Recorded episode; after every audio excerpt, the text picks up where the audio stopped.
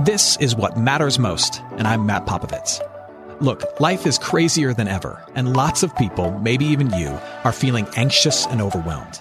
Today's message is designed to help you figure out what's most important and to experience the peace and joy that God intends for you. Because life is a gift, and it shouldn't be wasted on worry.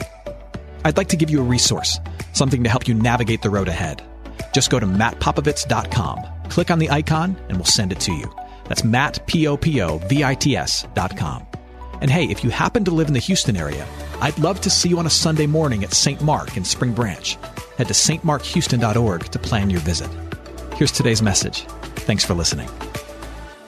I would argue to you that that idea, the idea that, that, that God exists to make me happy, in the grand scheme of human history, is a relatively new idea. Uh, in the 17 and 1800s, uh, a school of thought arose that said this here's how we're going to tell what's right and wrong. Here's how we're going to tell what is good and what is evil. Here's how we're going to tell. Does it make me happy?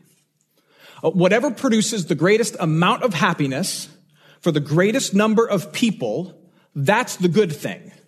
That's the right thing to do. Whatever makes the most people happy to the greatest degree, that is going to be how we gauge what is right and what is wrong. That worldview is called utilitarianism. And if you took like a philosophy 100 class in undergrad, you know what I'm talking about. Utilitarianism. And it had a profound impact on law and government and day to day life. It still does to this day. And it's marked in history because it represented a significant shift for how we as human beings, we viewed our lives in this world. You see, prior to the, the introduction of this worldview, the significant worldview was this, that good and bad, right and wrong were anchored in external, universal truths external universal truths that were put in place by God or the universe or whoever you wanted to believe in. And our job was to figure out what they were, to discern them, to embrace them, and to obey them. So, for example, the belief that, that murder was wrong was not because we all agreed that murder was wrong, but there was a universal truth out there that said murder is wrong, so let's not do it. But this new worldview said, let's stop and think. If something makes us happy, and it makes a lot of us happy, let's neglect what we've always thought about the universe and let's decide ourselves what's right and wrong, what's good and bad. Things were not anchored in an external universal truth. But instead, this new thinking said, no, good and bad are not to be searched for and obeyed by man, but good and bad, right and wrong are to be defined by the heart of man. And in that moment, when that, when that worldview became dominant, the, the words of the great prophet Sheryl Crow came true. If it makes you happy, it can't be that bad. In fact, it must be right. Now, what happened is this significant shift occurred, and we took it and we transferred it into our view of religion and spirituality. And we began to say the same things about God. We began to say, well, if God is good, then God exists to make me happy. Because the measure by which something is good is whether or not it puts a smile on my face. So if God is good, then God exists for my pleasure. And you see this uh, hinted at today, for example, in the rise of what's called the prosperity gospel.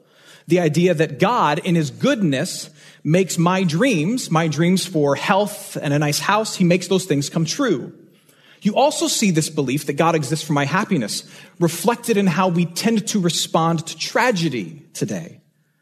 We tend to ask questions like this How could a good God allow something that makes me sad? Because after all, he exists for my happiness. And maybe you thought in the middle of a particular struggle, you've thought, what's wrong with God? I mean, he calls himself my father, right? And, and good dads, they throw princess parties. That's what they do.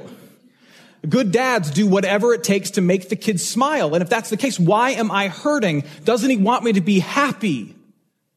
Have you ever asked that question? Let me give you an answer. The answer is yes. God cares about my happiness and he cares about your happiness. God wants us to be happy and joy filled people. But, but here's, here's the thing. our personal happiness is not his highest aim for us.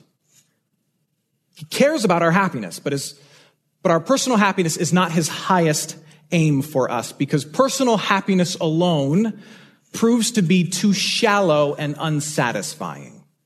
Instead, God's plan for us is something bigger and something more beautiful. His plan for us, instead of simply happiness, is holiness. Instead of happiness, is holiness. Now, that word holiness has a lot of baggage for us. But here's what holiness means holiness simply means set apart for service. That's all it means. Something that's holy is something that's set apart for service. And in the Christian framework, it means something that has been marked and set aside to serve God. That's what it means. So, so the Christian faith teaches that when, when someone enters God's, God the Father's family through faith in Jesus Christ, his son, that holiness, the idea of being set apart for service to God, becomes the new theme of that person's life. Holiness becomes the new theme of your life if you're here as a Christian. And whatever was the theme before, you know, awesomeness, sexiness, aggressiveness, bitterness, there's whole lots of themes, to, a whole lot of themes to live by. Whatever your theme was before becomes secondary. And your whole life now exists not for you, but your whole life exists to love and to serve and to be used in the story of God. That's what your life exists for. And, and if I say that to you, a little alarm might go off in your brain that if your whole life exists to serve somebody else other than yourself, particularly if I say it exists to serve the person of God, an alarm might go off in your brain that says, well, my life is too broken to be lived for God. My life is too broken to be lived for God. I've, I've done stuff. Like, I'm doing stuff right now. Like, I couldn't be president. People would find stuff out about me. How could I live a life that's set apart for service to God? Like I'm, I'm a paper plate. He deserves fine china. And that's the beauty of the Christian promise. The beauty of the Christian promise is that holiness is a two-sided coin. That holiness is not just a hope that God has for us, like a way we should live with our focus on Him instead of on us. But holiness is also a gift He gives to us. It's a new identity that comes from Him. So when you were baptized into God's family, a switch took place. Uh, uh, an exchange took place, theologians like to say. Jesus Christ received all of your garbage, which he paid for and he forgave and he overcame on the cross. And you, you get all of Jesus Christ's perfection. So now when God the Father looks at you, he, he doesn't see your bad habits or your big hangups. When he looks at you, he sees a holy child. He sees Jesus Christ, a perfect and beloved servant. That's what he sees when he looks at you. I know it's hard for me to believe as well, because I look in the mirror, I see me. But when God the Father looks in the mirror and sees me, well, he sees himself. When he looks at me, he sees a beloved and chosen servant. Philippians chapter 2, verses 12 and 13 says this. Therefore, my beloved, work out your salvation with fear and trembling. For it is God who works in you, both to will and to work for his good pleasure. Here's what this means. I find these words very helpful. God has done salvation to you. He's made you his forgiven holy child. You have the uniform. Now his job for you is to learn the game and to work that salvation and that holiness through you. Now, here's the question I have How is that better? How is it better to see my life as being set apart to serve God rather than seeing the whole world given as a gift to serve me? Because I kind of like getting what I want. So, how is this better? When holiness is the theme of your life, there is purpose for the pains in your life. You see, here's, here's, here's one of the tough things about happiness. If God exists to make you happy, then every struggle is a betrayal. What's the biggest struggle in your life right now? It, it may be a significant thing. It may be to others a petty thing, but, but to you, it's a, it's a big thing. What, what is the biggest struggle in your life right now? Have you considered that God, by allowing that struggle, is not getting in your way, but working for your good? Is that even an option for you? That by allowing that struggle, God is not getting in your way, but somehow working for your good could he, are you willing to consider, could he be shaping your character? Could he somehow be molding your heart? And no one likes to be the clay when the hands are on them, right? No one likes to be the wood when it's in the lathe. No one likes to be the stone when it's being chiseled, right? But have you considered that God's chisel upon your shoulder is because he's crafting something beautiful? Maybe he's creating patience in you or trust in you or endurance in you or faith in you? Are you willing to consider that, that your life exists to be an instrument for God's glory? Maybe, maybe how you hold to Him in the midst of this problem gives a testimony to the rest of the world of just how worthy of worship he is. Maybe. Are you even willing to consider that? That your life exists not for your happiness, by which God would be portraying you in this moment, but for your holiness, by which God has set you apart to be used in his story and his plans as his child, to be shaped according to his standards for his glory and your good. Because if that's the case, then there's purpose in your pain. Always. I hope you're enjoying today's message. For more of what matters most, you can head to mattpopovits.com. There you'll find other messages. You can support this ministry as well as access your free gift. Oh, and if you're looking for a local church and you live in Houston, come and see what's happening at St. Mark Houston. To plan your visit, head to stmarkhouston.org. Thanks for listening, and back to today's message. Second, when, when life is about holiness and not just me attaining personal happiness, then my life is filled with a greater dependence upon Christ. My life is filled with a greater dependence upon Christ. Uh, I, I would argue to you, and I can't prove this from the scriptures or really anything other than just me. I would argue to you that one of the reasons life doesn't go so well at times is because God knows we couldn't handle it. Have you ever noticed how when a human being gets everything they want, they tend to forget who they are? Have you ever noticed that when a human being gets every single thing that they want, they tend to forget who they are? It doesn't always happen, but we've all seen it happen, right? And maybe you've seen it happen in yourself that we tend to be our most self destructive, not just at our lowest points, but also at our highest points, right? When life is the party that we want, it usually makes us hungrier, not happier. When life is the birthday party we want it to be, it tends to make us hungrier and more discontent, not happier and whole. Our view of self gets really clouded, and our grip on God can get very, very loose. When we accomplish something awesome, which is great, we tend to think we're invincible, which is bad. Yet, when we understand life as holiness, as being set apart, to serve the purposes and plans of God.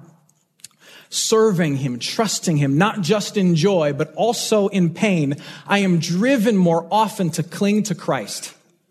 I'm driven more often to cling to Christ to make sense of it, to have assurance in the middle of it, and to be forgiven along the way of it. I cling to Him as my example. I cling to Him as my hope. I cling to Him as my grace. Earlier in Hebrews chapter 12, the writer says this He says, Let us run with endurance the race that is set before us, looking to Jesus, the founder and perfecter of our faith, who for the joy that was set before him endured the cross, despising the shame, and is seated at the right hand of the throne of God. Consider him who endured from sinners such hostility against himself, so that you may not grow weary or faint hearted. I have several friends who are really serious runners. They don't just run marathons, they run these thing called ultra marathons, like 50 miles at a shot. I know, it's crazy, right? I, I, literally don't have enough gas in my car to drive that far right now, let alone energy in my body to run that far. But what I've heard from several of my friends who do this for fun is that as you're running, you know, like you're at mile 42, right? As you're running, it helps for you to have a hero in mind. Someone that you look up to for focus and guidance so that as you sweat and stumble, you can say, well, what would he do? Or as you want to give up, you can look to this other person who's accomplished this, and in your heart and mind, you can say, well, if he did it, I can do it. If they kept going, I can keep going. And the writer of Hebrews says the same thing about Jesus. He says, You've been put on this path of holiness. Your life is not about your happiness. You've been put on a path of being set aside and used for God for his glory and his story as he sees fit, because he's making you into a particular type of person, and he's writing a grand story for the universe. He's the good dad that knows what's better for you than you know about what's better for you. And as you run that race, fix your eyes on Jesus, who knew how to be the holiest and most perfect of servants. He laid his whole life down for the rescue of the world.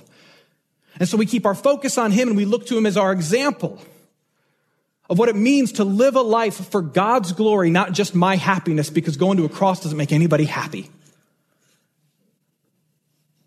Unless you're the recipient of the good gifts of that cross. Secondly, we look to him because he affords assurance.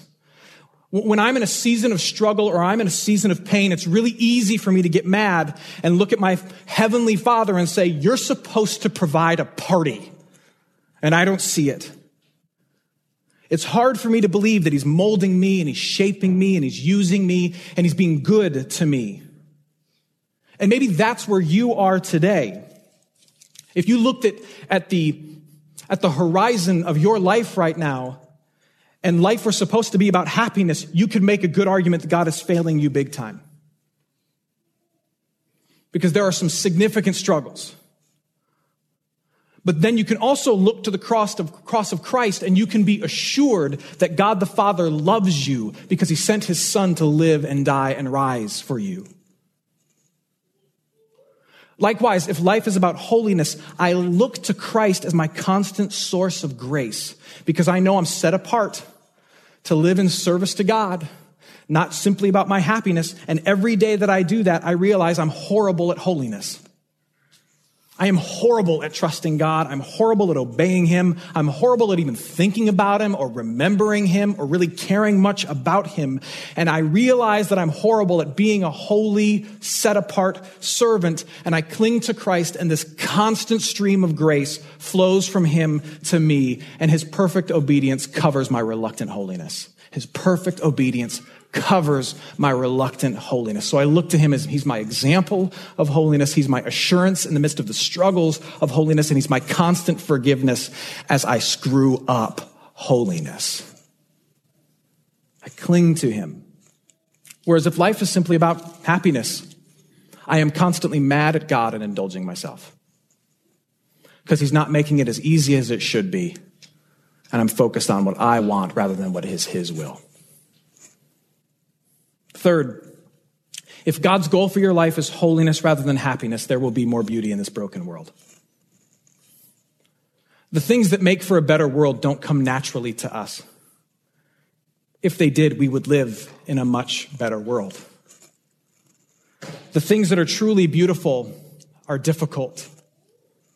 Things like love and sacrifice and generosity, these are not things that occur naturally in a world where everyone feels entitled to their own happiness. You see, birthday party happiness is all about receiving exactly what you wish for. But truly beautiful things are only discovered when you let go and you give what's required.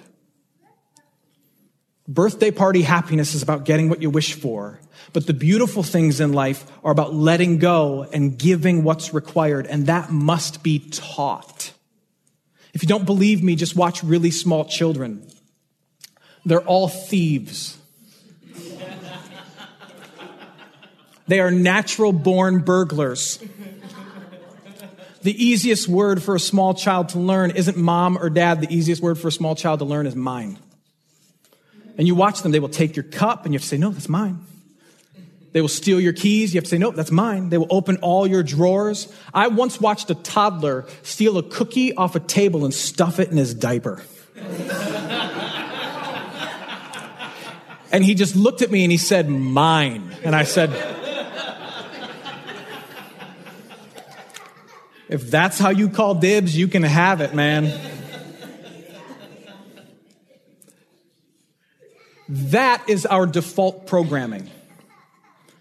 And, and, and, it doesn't change until the parents step in and they, they teach the child how to share. They teach them how to say please. And the same is true for us in our relationship with God. When God calls you into his family and he sets you apart for a life of holiness and he gives you the identity as a holy child and then sets you on the path of living as a set apart holy child for his will and his glory, trusting him as a good father, he's laying a hold of you and inviting you to a more beautiful life than you would otherwise live. He's inviting you. Holiness is an invitation to a more beautiful life than you would otherwise live. It's a life where he's going to ask you to forgive your sister-in-law because that's more beautiful than being jealous of her. It's a life where he's going to ask you to give your stuff to someone in need because that's more beautiful than holding on to it. It's a life where he's going to ask you to confess your sins because that's more beautiful than kidding yourself. It's a life where he's going to ask you to marry that girl because that it's more beautiful than leading her on. He's going to ask you to be faithful to your husband because that's more beautiful than flirting with people at work. He's going to ask you to pursue peace with your enemy and pray for the guy who's talking bad about you because that's more beautiful than feeling entitled to hate someone. None of it is easy. None of it will make you happier, at least not in the instance that you live it out. All of it will cost you, but all of those choices will bring him glory and add beauty to a broken world.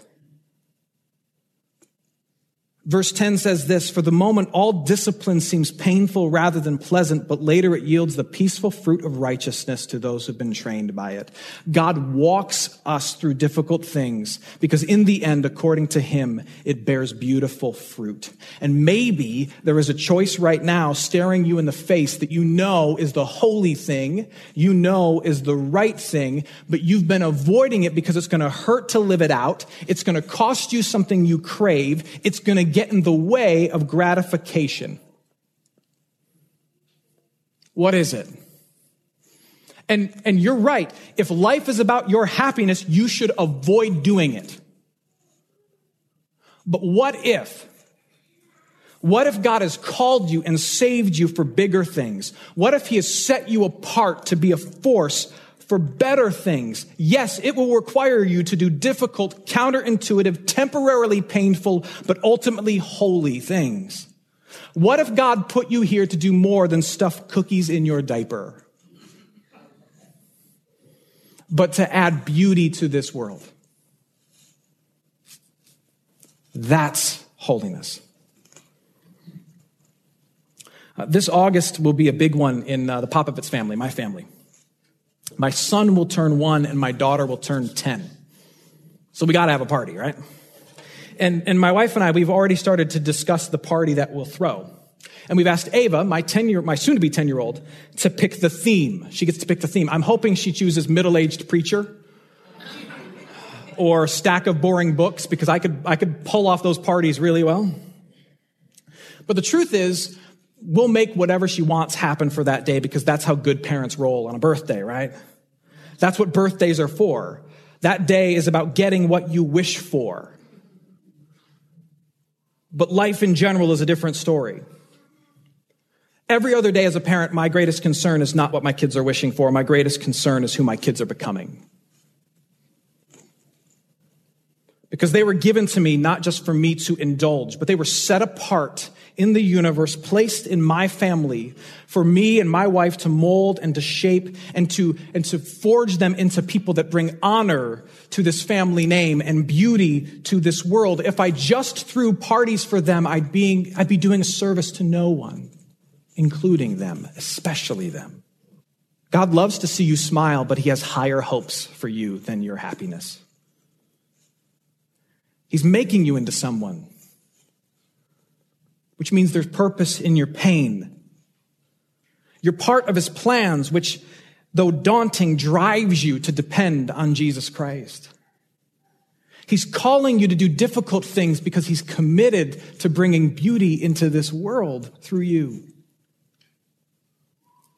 We all want a life of pointed party hats and flimsy string, but God has called you to a life of holiness.